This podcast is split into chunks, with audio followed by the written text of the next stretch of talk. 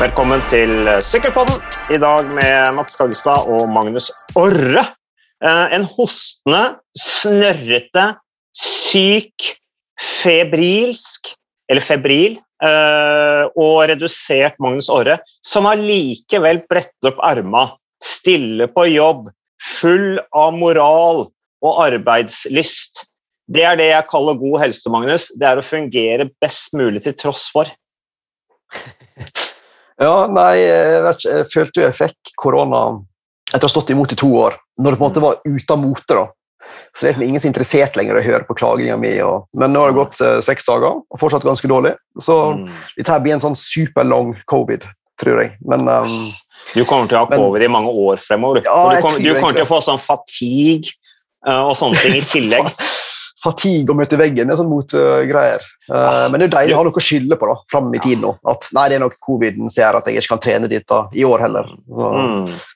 Ja, Men, så, eh, så så du, du pådro deg over på reise. Ja, fikk det vel på flyet over til USA. Det var så mange som hosta og snørra og harka rundt oss. Så Mm. ble vi syke når vi kom hjem. Ikke der borte, heldigvis. Det har vært litt kjipt å være stuck der borte. Ja. Men um, får bære med meg hvis det blir for masse hosting underveis her. Skal prøve å ta mikrofonen vekk fra munnen når det uunngåelig kommer til å skje. ja, men jeg tror Magnus, uansett hvor mye de hoster og harker og stufser og holder på, så, så, så slår jo ikke det de, de, de podkastene vi har hatt med dårligst lydkvalitet. Uansett. Det er sant, det er sant. vi er gode på lyd. Det er vi. Ja. Lyd er, det er på en måte, det er, det er ikke varemerket til Sykkelpodden. Det er ikke lyd. Så våre lyttere, de få vi har, de er jo ikke bortskjemte når det gjelder det. Vi er gode på bilder da, på sykkelpodden. Det skal vi ha. Ja, altså lage bilder i hodet vårt. Forestille oss ting. Vi er jo sånn passe schizofrene, vi som lager Sykkelpodden. Så bilder i hodet, det er vi gode på. Eh, Men si fra da, hvis du har mye stemmer i hodet. Da må du si fra, for da må du på behandling, Magnus. Men eh, over på sykkel. Eh, Vi har jo ikke Nå er det jo torsdag den 24. mars, eh, og vi har jo faktisk ikke Eh, Denne her podkasten er jo ganske forsinket, nettopp fordi at du har vært syk, Magnus. Så jeg fikk liksom dratt deg ut av senga nå, sånn at vi får spilt inn noe før uka er om vi må prøve å ha en dag i uka. Og vi har jo dermed ikke fått snakket om årets første monument, nemlig eh, Primavera Milano Sanremo. Eh, du fikk kanskje ikke sett på det, Magnus, for du var jo i New York. Ja, nei, men jeg så det jo i, eh, i opptak. Ikke alle sju timene, riktignok. Um, men det var jo for en gangs skyld eh, et artig sykkelløp. da. Jeg syns ofte det er litt antiklimaks, det rittet der. Mm. Men eh, i år var det jo action både med favoritter som datt av i de tre Kapiene der med Pidcock og angrep på Cipressa og Pogacar og Roglic og Mohoric, som var bare en helt Mm. annen helt annen verden, enn utforkjøringa. da. Uh, vil ikke anbefale folk hjemme å prøve det samme. Det var jo ikke trygt på en plass, men um, det Men var ikke, ikke meget fortjent seier. da. han vant jo Opera Milan San Remo på utforkjøring. Det er klart at Moric må jo karre seg over Poggio i en posisjon hvor han kan komme inn eh, i utforkjøringa sånn som han gjorde. da, til å herje sånn som han gjorde. ikke sant? Noe, noe form har han. Det var ikke bare, var ikke bare utforkjøringa, det tror jeg alle skjønner, for det gikk jo styggfort opp eh, Cipressa også. Um, det var ikke mange rytter igjen. Eh, men eh, han vant jo på rein, skjær grisekjøring utfor der. og den der første gangen han holdt på å kjøre ut, så satt jo Pogasjar på hjul, og det, det virka på meg som liksom Pogasjar gikk en støkk i Pogasjar, at han ble livredd eh, og dermed bremsa, og så var Luka et faktum. Så kan du på en måte si at Pogasjar slapp Moric, men det var vel kanskje ingen som hadde hatt sjanse til å følge Moric uansett. Jeg så disse her statistikerne på Twitter som driver av og, og, og, ser på disse kummene både opp og ned nå, så hvor mye fortere hadde, nei, eh, Moric hadde kjørt den nest raskeste ned Poggio. Det tror jeg var Sean Kelly i 1991. Vesentlig raskere enn han. Og så er det da denne nedsenkbare setepinnen da, som alle snakker om. Eh, Spørsmålet er om vi da får eh, flere av de der nedsenkbare setepinnene fremover. Jeg, jeg tror ikke det. Jeg tror at uh, den utforkjøringa ned Poggio er så viktig med Lanzan Remo at jeg tror det er ganske spesielt for den. Men uh, det viser jo at vi uh, henter litt inspirasjon fra terrengsykkelmiljøet, og det er jo gledelig. Ja, ja, og han, um, han er jo en, en mann som liker å tøye grensene. da. Vi husker jo, Han var den som på en måte mer eller mindre fant opp den supertucken som ble da banna av UCI for et år eller to siden. Mm. Så han er jo en fyr som liker å eksperimentere. Eh, men ekstremt fortjent. da. Han har vært så nærme i så mange store løp så mange år nå på rad. Ofte Mm. bommer taktikken, syns jeg. Angriper litt sånn klønete, litt for ivrig ofte. Mm. Men fortjent at han eh, vant der, da. Men jeg er litt enig med deg. Jeg tror ikke vi kommer til å se så veldig mange dropper posts, eller sånne Hva hva? Nedsenkbare settpinner. Ja. For Vi så det litt i 2014, husker jeg, med Basso og Nibali. Men eh, det er så få ritt der du har en så utprega utfor avslutning som avgjør rittet. da. Mm. At jeg vet ikke om det er verdt styret. Men um, UCI var ute med en sånn der kort pressemelding der bare for å si at vi kommer ikke til å ødelegge moroa denne gangen. Dette her er lov. Det har vært lov nå i åtte år. Så Ja. Det er jo litt, litt teknologisk utvikling må være lov. og jeg tenker at For sikkerhetens skyld så er det faktisk en fordel med nedsenkbare setepinner. Fordi at du, du får jo mer kontroll på sykkelen, helt åpenbart noe Moritz var et godt bevis på. da. Han kjørte jo fullstendig over evne nedover der, eh, men vi har jo sett han kjøre utfor sjøl før, eh, og han er imponerende. og det som du sier, Han angriper mye, han er utrolig offensiv rytter, skikkelig klasserytter. Vant jo to etapper i Tour de France i fjor med imponerende solobrudd på etapper som gikk styggfort. Så motoren hans er det ikke noe å si på. Det som er spesielt, er at han, han har vært en av de beste utfor-syklistene i flere år nå. Men mange får jo ofte en støkk hvis du tryner stygt én eller to ganger. Og han har tryna stygt mange ganger, altså. og likevel så er det bare ingen sperre. Det er bare å gønne på. Helt sånn fryktløs eh, type. Så um, lett å bli glad i han syklisten. da. Altså, Utrolig underholdende klasse, klasserytter. Så um, Ja, vi har jo det der, fortsetter å herje. Vi har jo det der bildet av han fra Italia rundt i fjor. ikke? Han brøyt jo Ja, det han var opp ned, landa på huet i utforkjøringa der. Eh, Men, eh, men eh, det, ja, nei, det, det, det er ingenting som på en måte påvirker han, samtidig som vi hører disse franske rytterne. Det er sånn, det er sånn typisk franske rytter. ikke sant? Den ene etter den andre sliter med frykt. da. Eh, og, og, for, og for øvrig også belgier. altså Han unge Lotto Sodal-rytteren også har jo hatt kjempetrøbbel. Så det i Paris-Nice også. Jeg husker ikke navnet på han, men uh, det er jo mange ryttere som sliter med på en måte sperrer mentalt i utpåkjøringene. Jeg har hatt slitt med det sjøl, men noen er bare tøffere enn andre. Det ser man jo på de spurterne også, som tryner i massespurtene, men de, de er på igjen allerede ved første og beste anledning de får mulighet. Så noen er bare sånn. Eh, Det er det. Så det er bare å gratulere Moritz med seieren, og da vant jo han altså Da hadde vi altså Roglic som vant Paris-Nice, vi hadde Pogasjar som vant Tireno, og så Moritz Milano Sanremo. Man kan vel trygt si at Slovenia eier sykkelverden. Ja, absolutt. Mm. Altså, De er åpenbart best. Uh, og så vant jo da Strade Bianchi i tillegg, sant, med Pogacar. Mm. Sanremo, og jeg mener fortsatt at Pogacar fort kan vinne eh, rundt. Hadde ikke overraska meg. Så rask som han er i en spurt, så er det en liten gruppe som kommer inn der, så kan han vinne Flandern rundt. Altså. Ja, han kjørte også veldig bra i Milan San Remo, syns jeg. Han gjorde det så godt han kunne. Angrep igjen og igjen, men ble selvfølgelig markert ned så godt det lot seg gjøre. Så, men bra første. Ellers så var det jo van de Pool, da. Vi må jo snakke om han, Magnus.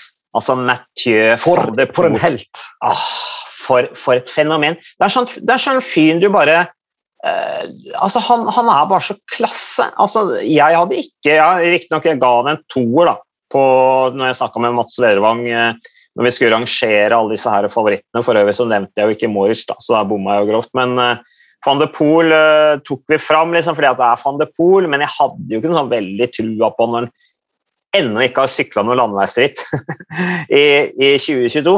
Og så blir han da nummer tre i sitt første ritt for eh, sesongen, stilte i reserve fordi at alle disse gutta er enten syke eller skada i Phoenix Alpezin. Det var liksom motvillig med Milan San det var i hvert fall mitt inntrykk. Og så blir han da nummer tre. Som om det liksom ja, tok det som oppkjøring, liksom. Det, det er nesten ubegripelig at det går an. da. Altså, du, du kan jo følge på Strava, Hvis du følger van der Poel, så har du sett hva han har trent de siste ukene. Og det tyder at det har vært mange lange, rolige turer. Mm. Og så sesongdebuterer du i det lengste rittet med den eksplosive finalen, Mm. og så blir du nummer tre. Ja, det er liksom bare um, helt annen verden enn andre. Altså. Du, du trenger ikke konkurranse for å komme i form. Du bare er rett på, og så er du der oppe med en gang. Så jeg trodde jo at han var, ikke var en kandidat til Flandern og Robé i år, men det er han jo absolutt. så, Ja. Ja. ja, det er så sjukt nivå på et par av disse gutta nå at um, det er vanskelig å forstå. Men jeg ser han skal kjøre både Giroen og Tour de France, snakker de om at han skal liksom fullføre begge. Da håper jeg på en måte at han ikke at han ikke gaper over for mye igjen. altså At han ikke går på en ny smell med overbelastning og, og skader, sånn som nå har plaga han så mye. Men han kan jo ikke være i nærheten av den formen han kan være på sitt beste akkurat nå, med, selv om han blir med tre Milano San Remo. Bare tenk på hva han har hva han har da, eh, eh, til, altså på en måte potensialet hans denne sesongen når han stiller sånn halvforberedt til Milan San Remo sånn som han gjør nå? Jeg er jo enig. da. Redningen hans kan jo bli at uh, Robé kommer en uke seinere, og at du rekker å få nok ritt i beina. da. Men jeg stusser jo litt på den der eh, Giro Tour-planen hans. Altså, Han må jo snart lære litt. da. Ikke gape over altfor masse hver gang. Så jeg er spent på han. Men jeg tror han vinner Robé i året. Det tror jeg absolutt. Ja, kjørte bra der i fjor, brukte jo enormt mye krefter. Kjørte jo taktisk ganske usmart, etter min mening, og ble jo slått i spurten der i Paris. Jeg skal ikke ta hele den runden der igjen, men vant Han traff spurten da bak Anthony Turgis. Det var jo gledelig da for uh, Total Energies at de fikk den andreplassen med Peter Sagan som uh, røyk ut uh, før Poggio pga. tekniske problemer. Var for, før Cipressa var det vel også. At han hadde problemer med sykkelen, så han ble dermed havna i en håpløs situasjon. Men Turgis leverer, som jo også har en fjerdeplass i, i Flandern rundt. Vi skal se litt opp for ham. Altså, han syns jeg liksom utvikler seg. Virker som han får stadig mer autoritet i feltet også. At, at ikke det totale energilaget heller bruker krefter på å bygge et apparat rundt han, og isteden mm. hente Sagan og co. Det er vanskelig å skjønne. Altså. Klasserytter mm. til skis vært i mange år nå. Gått under radaren hele tida, ja. men um, klasserytter. Edvald uh, Baasen Hagen uh, gjorde jo også en uh, jobb for uh, Turgis. Uh, er jo blitt en Ser ut som det bare blir mer og mer ren hjelperytter, Edvald. Og en foretrukket hjelperytter òg i laget der. jeg tror kanskje på en måte det kan bli hans bane jeg, ut resten av sesongen, og kanskje inn på en Tour de France-plass for Edvald. Dette er at han virker som en sånn klippe i laget, en trygg støttespiller, en som har autoritet i feltet, respekt i feltet, og som, som vet, altså sånn, som, er klok da, i forhold til å kjøre fram rytterne på de rette stedene. Jeg vet ikke hva du tenker om det, Magnus? Nei, Jeg er helt enig. Uh, godt likt i laget. Det er helt åpenbart når du snakker med folk rundt laget. Uh, pålitelig, selvfølgelig. Sjøl oppofrende. Kanskje mm. for masse av og til gjennom karrieren. Um, så han um, er en godt likt mann der. Som, um, men ja, det er som du sier, når Turgis leverer så bra, og Sagaen kommer i form på et tidspunkt, så kan det fort mm. bli mye hjelperyttere. Ja. Ellers for å mimre litt om gammel moro. Nå er det jo så mye sykkelløp at det er jo helt vilt. Uh, jeg så også på dette Grand Prix de Nei, jeg synes det var litt interessant i og med at uh, alt bygger seg jo liksom på en måte opp nå mot uh, klassikerne og, og, også Tour de France. og Grand Prix de Nei var litt interessant synes jeg, å se på, fordi det var helt åpenbart at det var flere av rytterne der, bl.a. Primoz Roglic, som kjørte det eller deltok der for å forberede seg til denne brosteinsetappen i, i Tour de France. Jeg må jo si at Primoz Roglic så ut som han koste seg. Han tok det der på strak arm og syklet jo fantastisk bra. Så du eh, Grand Prix den her, Magnus? Jeg så um, de siste mila der uh, med Roglic. Det var som forventa, egentlig. da. Han er god på alt, han. Mm. Jeg ble henta rett før slutt der, sant, med den gruppa si. Vingegård punkterte vel, om jeg ikke husker feil, men han òg så ut som han klarte seg greit. Mm. Så det er nok litt annet da, enn Robé, selvfølgelig, med intensitet og vanskelighetsgrad og tempo og alt sånt. Men um, absolutt ja, det ligner jo det ligner jo på etappen i Tour de France. da, ikke sant? Det akkurat, jo, akkurat, det, det ligner mer på den etappen. Eh, så bedre å bruke denne enn Robé og mitt poeng, da, for det er to litt mm. forskjellige ting. Så um, jeg tror, måte, jeg, jeg tror, på en måte, vi kan ta den, den, jeg tror vi kan ta Grand Prix den er som liksom benchmark da, på hva vi kan forvente av, på den der Tour de France-etappen uh, i, i, juli. Som kommer uh, Det er vel da to etapper etter uh, Danmark. Femte etappe. Etappe fem, tror jeg. Ja, mm. ja. så det er liksom å se ok, hvilke Tour de France eh, favoritter var det som også kjørte Grand Prix denne, og hvordan gjorde de det? Da er det i hvert fall helt åpenbart at Primus Roglic han kan i hvert fall komme inn på denne etappen der med mye selvtillit. Um, ellers så var det jo også gøy, syns jeg, å se disse her unge, unge Ineos Grandiers-gutta. Uh, Narvaez er jo en tøffing, han kjører jo bra på brostein, jeg har sett før. Men også han Sheffield og Turner. Uh, de gutta der kjørte som bare det. De var jo da sammen med, med Roglish og så han der RDSR-rytteren i, i brudd, som ble kjørt inn helt på slutten.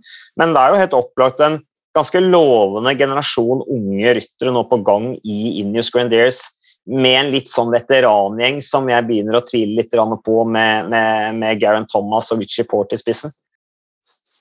Enormt masse bra på gang der, da. helt enig. Mm. Sheffield har vært en åpenbaring i år. Um, og Hater og Tulett og alle disse her. Uh, Plapp. Uh, enorm bredde. Så jeg tror de gjorde lurt i å prøve å altså, Richie Port er vel nummer fem i Tireno. Så han er jo åpenbart en klasserytter fortsatt. Men jeg er jo enig, det er absolutt på siste, det er på oppløpet der. altså. Snart må de det gi seg. Så, men det virker til å ha en del godt på gang. da. Og i Carlos Rodriguez og en del andre unge ryttere der. Ja, nei, altså Femteplass til Richie Port i Teredo er jo helt fantastisk. Det er jo ikke noe tvil om det. og Nå har han jo også sagt at han skal gi seg etter denne sesongen. så det er jo siste året han eh, kjører. Skal jo kjøre Italia rundt der ringen slutta. Det var det første etapperittet han eh, kjørte som som proff. Richie Port.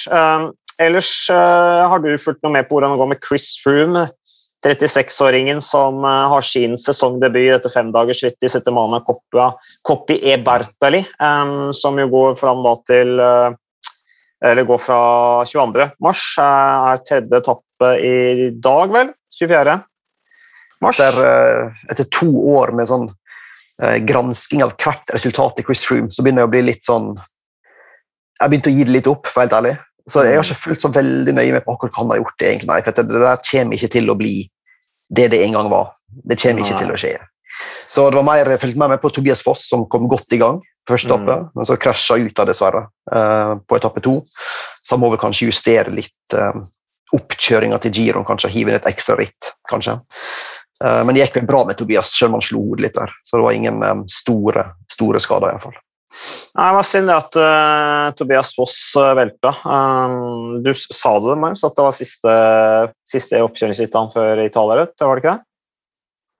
Han jo, så må vi kanskje legge inn noe ekstra nå, da. Ja, å... må jo det, sannsynligvis. Ellers så virker jo han som en type som kan uh, gjøre utrolige ting på trening. da. Uh, og forberede seg godt på trening.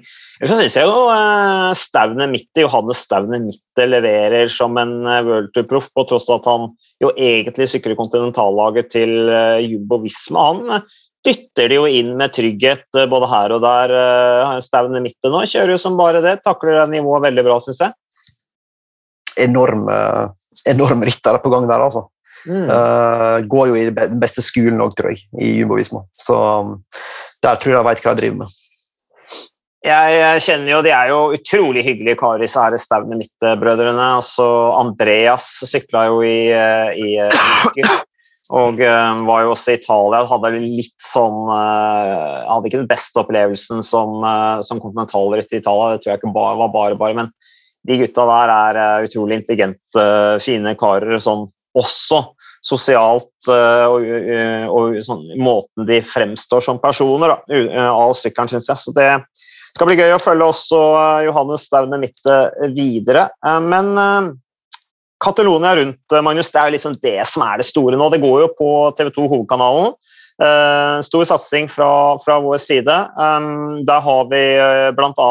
Uh, UnoX, og vi har uh, Amund Grøndal Jansen, og vi har uh, hatt ledertrøya Ja, hva var det jeg sa? for Grøndal Jansen. Ja, Grøndal Jansen tenkte jeg vi skulle snakke litt om, men det var Odd Christian Eiking og Jonas Iversby Widerberg jeg selvfølgelig mente. Um, og eh, det har jo eh, ja, Vi kan vel ikke si annet enn at uh, nordmenn har markert seg i Catalonia. Altså Tor Husodd ble jo trukket fram i Perpignan, som de jo gikk i mål i forgårs. Da gikk etappen til Perpignan. Da var det jo på mange av disse her gamle treningsveiene til Husodd og meg som vi trente langs kysten der når vi sykla over til Spania og til kysten tilbake. Uh, utrolig gøy synes jeg å se på den etappen der, for det var jo ja, jeg fikk en litt sånn tåre i øyekroken uh, av å tenke tilbake på alle treningsturene vi hadde i det området. Men, uh, men jeg husker vi var på rugbykamp. Rugby er jo liksom store idretten der nede i, i Catalonia, særlig på den franske siden. Og da husker jeg Tor Huså ble jo uh, da hentet Han var jo og så på, men ble da hentet av, av av uh, arrangørene av, av rugbykampen. Uh, dette her var en eliteseriekamp og skulle liksom da åpne kampen. og Da ble han trukket fram, da, eller ropt opp av spikeren som den, den, den, mest katalanske av alle nordmenn. Uh, og Da syns jeg det var litt sånn gøy da, at Iversby Widerberg liksom tar alle trøyene idet i det, Catalonia rundt sykler inn i nettopp Perpignan. Norske syklister de liker seg nede i det området der. Så det er gøy. Gøy går også med etappen opp til La Molina, hvor, hvor Træn og ikke minst Tobias Halland Johannessen satt utrolig fint med, syns jeg. Det er, ikke, det er ikke hverdagskost å se norske ryttere som sitter med på den type etapper i Catalonia rundt. Det mm, tror jeg vi knapt har sett før, Magnus. Du er jo historiker, du er jo ekspert på Catalonia rundt. Nei, Vi har ikke all verden som skryter av sånn sammenlagt i, i Catalonia rundt. da, eh, Tilbake igjen til liksom eh, til 70-80-tallet heller. Vi har jo um, Jeg tror vi har en um, beste sammenlagtplasseringen vår lurer på om er Eiking sin 15.-plass av 2019. liksom. Um, selv om vi hadde Knut Knutsen var med tilbake i 75. Men uansett, da, nei, de klatrer jo utrolig bra. Og jeg er litt sånn, ikke for å være partypooper nå, men jeg syns Tobias Hallen Johannessen klatrer så bra nå, mm. på et så jevnt nivå så lenge nå, at jeg um, ser ikke bort ifra at de største lagene nå begynner liksom å prøve å Selv om man har kontrakt ut 2024, mm. henvende seg på nytt for å prøve å kanskje snappe han opp. da. Ja. Og lokke med selvfølgelig mer penger, Grand Tours, uh, alt sånt. Han, han, leverer såpass oppsiktsvekkende bra gang på gang på gang i forskjellig terreng mm. at det er ikke utenkelig. tenker jeg. Vi ser jo stadig oftere i sykkelsporten at ryttere blir kjøpt ut av kontrakter. Jeg har ikke peiling om det kommer til å skje, altså. men jeg ser ikke på det som utenkelig, så bra som han sykler. Jeg er enig med deg i det, og jeg tror på en måte ikke at uh, Uno uh, de vil selvfølgelig ikke stanse han hvis han får et tilbud fra et større lag, uh, nettopp fordi at det er den sikkerheten. Det var argumentet hos Markus Holgaard på en måte at de skulle ønske han ble, men de hadde forståelse for at han reiste videre. Hadde respekt for det, nettopp fordi at det er den garantien for å få delta i f.eks. et treukers ritt. Og det ser vi jo, det er tøft å komme inn på de, eh, de rittene. Eh, vi hadde håpet kanskje et ørlite håp. Jeg tror faktisk det er større sjanse for at, eh, at Uno X fikk plass i Tour de France enn i Spania rundt, nettopp pga. de spanske lokale lagene. Men nå ble det ikke noe Spania rundt heller. Hva er din kommentar til det, forresten, Magnus? Dette her at, vi snakket jo litt om det i forrige podkast med, med, Magnus Drivenes. Men dette her at plutselig Spania rundt åpner opp for et enda et lag, altså et tredje eh, invitasjonslag eller, eller eh, wildcard-lag. Eh, og I tillegg så tar de ikke med Kaya Rural. Eh, det er jo litt spesielt. Som jeg forsto det, så ble det det var et ønske om å få med et ekstra lag i alle Grand Tours. Mm. Kun Vuelta-arrangøren valgte å benytte seg av den muligheten. Mm. Uh, for to, I toren fikk de med begge franske lagene, så det var ikke noe stress. Men Spania skulle helst ha fire, og så får du bare med tre. Og så tar du altså ikke med Cajaroral, det mest tradisjonsrike og kanskje sterkeste laget. Det er altså så uh, gjennomkorrupt og ubrukelig det der wildcard-systemet at det er å holde ut. Men uh, jeg holder verken med Cajaroral eller Burgos BH, så det er samme for meg. altså. Men um, det er så sjanseløse systemer, og det må være utrolig frustrerende for andre lag fra andre nasjoner, som UnoX f.eks., mm. eller andre lag òg, som har lyst mm. inn, men som bare skjønner at det er ikke sjans uansett. Samme hvor gode vi er, så kommer vi ikke inn fordi det er noen andre som skal kvoteres inn. Så nei, jeg kan bli gal, da. Men um...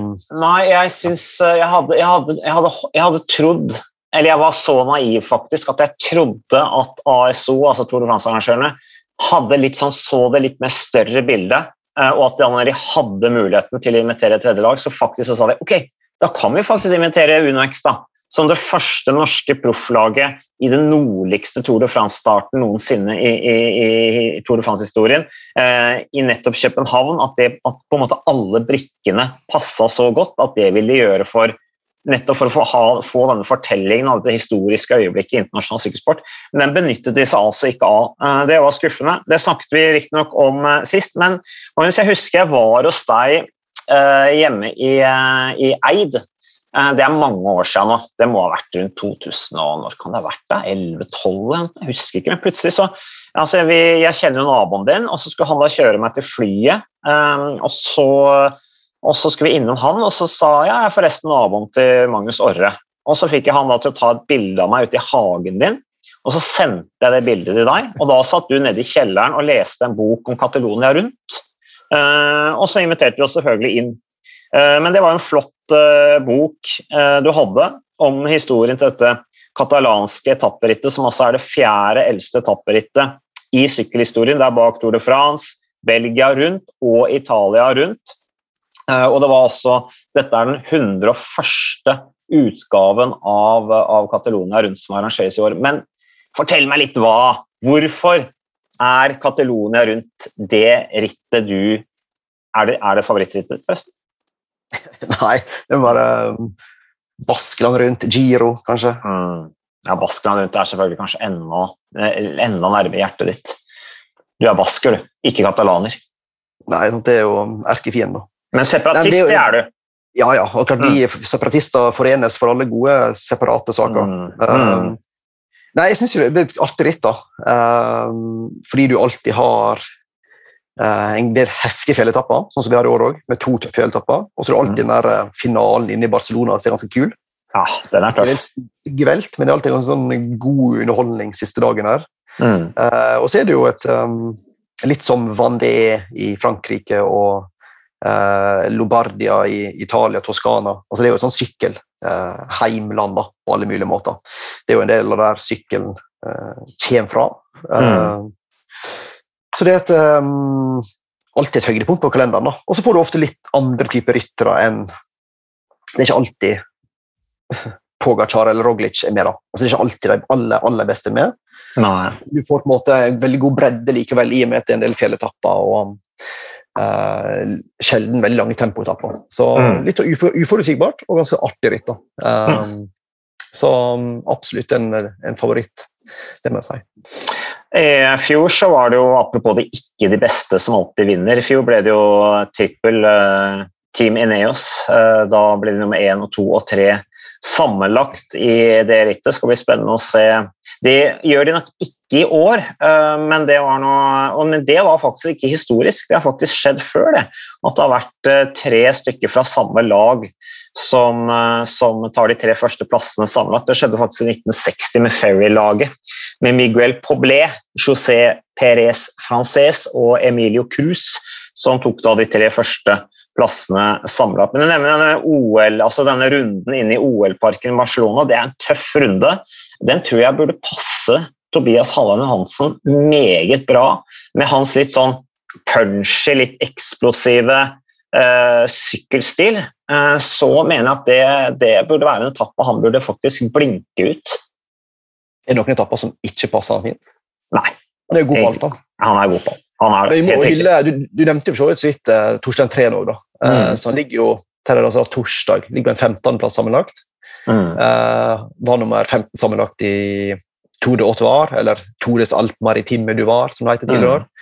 Leverer på et jevnt bra nivå nå, da. Tren. Um, var med på et lite rykk der òg på tredje etappe. Um, så det er god bredde i det laget etter hvert.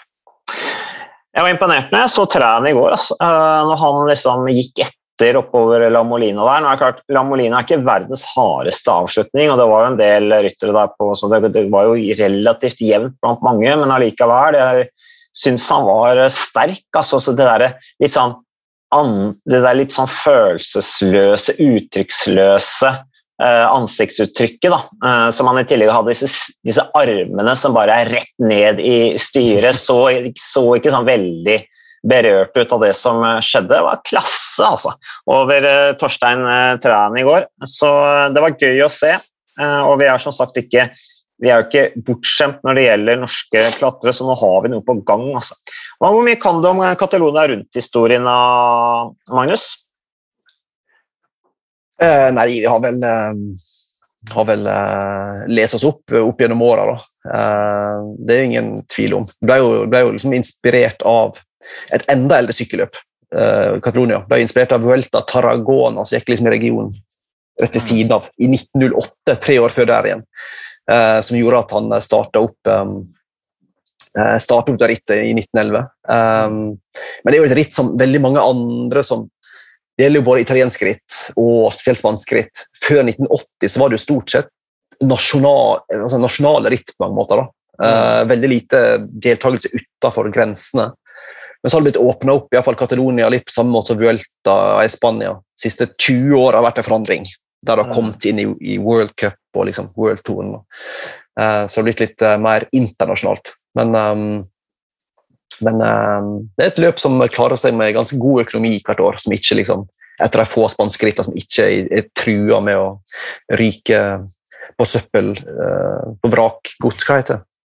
Som ikke havner på søppeldynga fordi de ikke har penger. Uh, elendig metafor, men du skjønner hvor jeg vil hen. Ja, ja, Spanske sykkelritt og dårlig drevet ofte. Ja, men nå er jo Catalonia rundt på en måte et sånn økonomisk sentrum da, i, i Spania. eller en, eh, en, del av Spania som går relativt bra økonomisk, og det er for så vidt også Baskeland rundt. Eh, så de to delene av Spania setter vel ganske mye prestisje i å faktisk opprettholde de sånn halvnasjonale eller regionsrittene sine da, for å markere at de er Catalonia og de er Baskeland, og at de setter litt prestisje i de. Så det kan, det kan jo være at, eh, at, der er det såpass økonomiske muskler som gjør at de faktisk klarer å holde, holde hjula i gang i sine tradisjonsrike sykkelritt. Ellers er det jo du har jo vinnere som Jack Anquetil har jo vunnet Baskeland rundt. Eddie Merckx, Luis Ocana, Felice Gimondi, Miguel Indra vant det tre ganger. Laurent Jalabert, Valverde har selvfølgelig vunnet det tre ganger. Eh, Jaquin Rodriguez har vunnet det to ganger.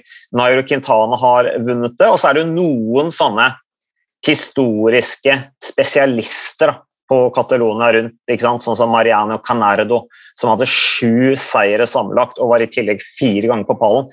Da tenker jeg liksom Syklet han noe andre ritt enn Catalonia, eller var det sånn at du hadde noen som var bare sånn superspesialister på Catalonia rundt, f.eks. Miguel Poblé, da, som var en av disse ferierytterne som, som ble den 1, 2, 3 på pallen. Han vant 33 etapper av Catalonia rundt. Da snakker vi. da har du lite andre ritt å sykle, jeg er helt enig. Uh, Cañardo vant jo alt som var i Spania, men vant jo nesten ingenting utafor. Uh, han var vel han hadde etappeseier fra Tour de France, tror jeg kanskje. Men um, mm. det holdt seg stort sett innenfor grensene, ja. Det gjorde det. I mellomkrigstida og i den store depresjonen. Jeg snakker jo 30-tallet, 20-tallet og 30-tallet. Uh, Poblé riktignok mye seinere, 50- og 60-tallet. Poblé ja. som vant uh, San Remo et par ganger. og uh, en av de første virkelig store internasjonale spanske syklistene. Ja, altså Poblé I 1956 så ble han altså den første til å vinne etappe både i Tour de France, Giron og Spania rundt. Så merk dere det navnet der, eh, sykkelhistorikere. Eh, du nevnte Canardo. Eh, han har jo en litt sånn spesiell historie. Kallenavnet Catalan of Olite kommer Altså han som 14 19-åring så, så, flyttet han til søsteren sin som bodde i Barcelona, for han ble foreldreløs. Eh, og Det var da han ble interessert i, i sykling. Han syklet faktisk, altså han var proff fra 1927 til 1942 i bl.a. FC Barcelona. Og Det husker jeg vi snakket om en gang, Magnus. jeg tror det var i fjor eller som en oppladning til nettopp eh, Catalonia rundt, at FC Barcelona har faktisk vært et profesjonelt sykkellag. Det er litt kult. Tenk deg de Veldig mange, ja, veldig mange av de spanske klubbene Real, Real hadde et sykkellag. Um, og veldig mange av de portugisiske, ikke minst. Mm. Cañardo, som var den første proffe spanske syklisten. Første som levde av å sykle, faktisk. Mm. Han deltok tre, ja, deltok tre, ganger i Tour de France. Niendeplass uh, sammenlagt i 1934 og nummer seks i 1936. Vant etappe i 37, og så vant han da Marokko rundt i 1937-1938. Da snakker vi hipster. Da snakker vi hipster. Han er sykkelsportens første hipster. vet du. Det var han der godes Canardo. Så det, nei, men er gøy å snakke litt historie, Magnus. Uh, sette ting litt i en uh, større sammenheng. Um, vi er jo tross alt ganske små når vi ser historien i litt større bilde, Magnus. Både du og jeg er det. Vi er nok dessverre det. Mm. Men det jeg gleder meg masse til nå i helga, er jo Klassikersesongen begynner jo å ta enda et nytt steg, med E3 på fredag og Gent Døvelgen på søndag. Mm. Har du trua på Kristoff og Boasen Hagen? Uh, ja, altså Kristoff uh, var jo ikke noe sånn superimponerende i Milano Sanremo, men uh, han er jo ikke noen stor bakkerytter, og det gikk jo styggfort der, så det var kanskje ikke noe mer å forvente enn det. men Uh, han virker jo, han er jo såpass bra form Alexander Kristoff at uh, han fort kan være der. Men han er jo ikke toppfavoritten, det er han ikke. Men jeg tror at han kan være med og kjempe om en topp 15, topp 10-plassering. Edvald litt usikker. det får vi, vi får se. Altså, han virker veldig dedikert i rollen som hjelperytter, Edvald, da, og bruker en del krefter på det og sånne ting. Men Jeg skulle ønske at måte Edvald hadde gode bein, at han uh, kom i såpass bra form at han kunne ha et samspill med Turgis og resten av laget på en litt sånn offensiv måte som kanskje kunne på en måte komme Edvald til gode. Uh, ved at han plutselig var av gårde i noe brudd eller et eller annet, og, og, og dermed fikk et, et skikkelig sterkt resultat som, som løfta han litt. Det tror jeg han kunne trengt sånn rent uh, med tanke på selvtillit også, Edvald, at det, det, ville smakt. At det ville vært godt for ham på en måte vært med og kjempa litt i toppen igjen. Så det, det, blir spennende å se. Men uh, det er jo på en måte som du sier Ja, hva skulle du si? Nei, jeg skulle bare si at Tiller òg blir jo Han er jo sånn topp ti-maskin nå, føler jeg, i belgisk ritt. Så mm. Kanskje størst forventninger til han, ja, rent logisk. Så sterk som han er, og såpass solid lag som han har fått rundt seg. Så tror jeg det kan bli veldig bra. Han er jo helt enorm om dagen. da. Killer, han er jo ja, Jeg husker jo jeg kalte han for et beist av en sykkelrytter når han syklet i Joker. Han drev og fikk medalje i NM, og sånn, det begynner å bli en stund siden. Men, men han er jo samme beist. Ja, Tiller the killer. Også. Så han øh, kan jo også fort ende opp med å få noen flere andre tilbud. da, Magnus Rasmus Fossum Tiller. Jeg vil jo tro at det er noen sånne klassikerlag som tenker at det der, der er en mann vi har lyst til å ha på i stallen vår. altså. Og han uh, leverer jevnt oppe i toppen der nå. Uh, virker utrolig sterk. Uh, så det er gøy å se. Så um, det blir artig. UnoX kjører jo også selvfølgelig E3 og Gent Wevelgem kommer på, på, søndag, så det er i det hele tatt det er mye å følge med på nå. Altså. Hvordan, hvordan, hvordan fikser du alle disse sykkelrittene du skal se på, Magnus, hva, hvordan gjør du det? Ser du på mange ritt samtidig, eller tar du på en måte og ser de i reprise litt sånn ett etter ett? Det bra, det er fine med korona at da har du tid. Ja. så akkurat nå går det fint. Nei, jeg mm. pleier vel å ha maks tre samtidig, og så får jeg se ting litt sånn i opptak etterpå. da. Um, sånn, uh, Å se de minste rittene, siste mila i opptak, f.eks. Uh, mm. Mens du ser de største på live. da. Det er den enkleste måten å gjøre det på. Ja, det er sant, det. Det er sant, det. Nei, så um, det um, Jeg pleier jo, pleier jo noen ganger også å sette meg på rulla, da. Så liksom se de rittene som er viktigst sånn noen dager etterpå, hvis ikke jeg har fått det med meg. Så Ellers er jo klokka nå er jo klokka fem over tre, Magnus, så nå har jo sendinga til uh, til TV 2 uh, fra Catalonia rundt starta. Det betyr vel kanskje at vi da må gjøre viktigere ting enn å sitte her og prate bort ettermiddagen. Hva tenker du om det? en av dine mest fornuftige vurderinger så langt. Ja, kanskje det beste jeg har sagt på denne sykkelpodden uh, til nå i dag. Så vi takker for uh, dere som lyttet, og så er vi tilbake med mer sykkelpodd. Mest sannsynlig, ikke 100, sikkert, ikke 100% sikkert, men mest sannsynlig så er vi tilbake med en ny episode neste uke.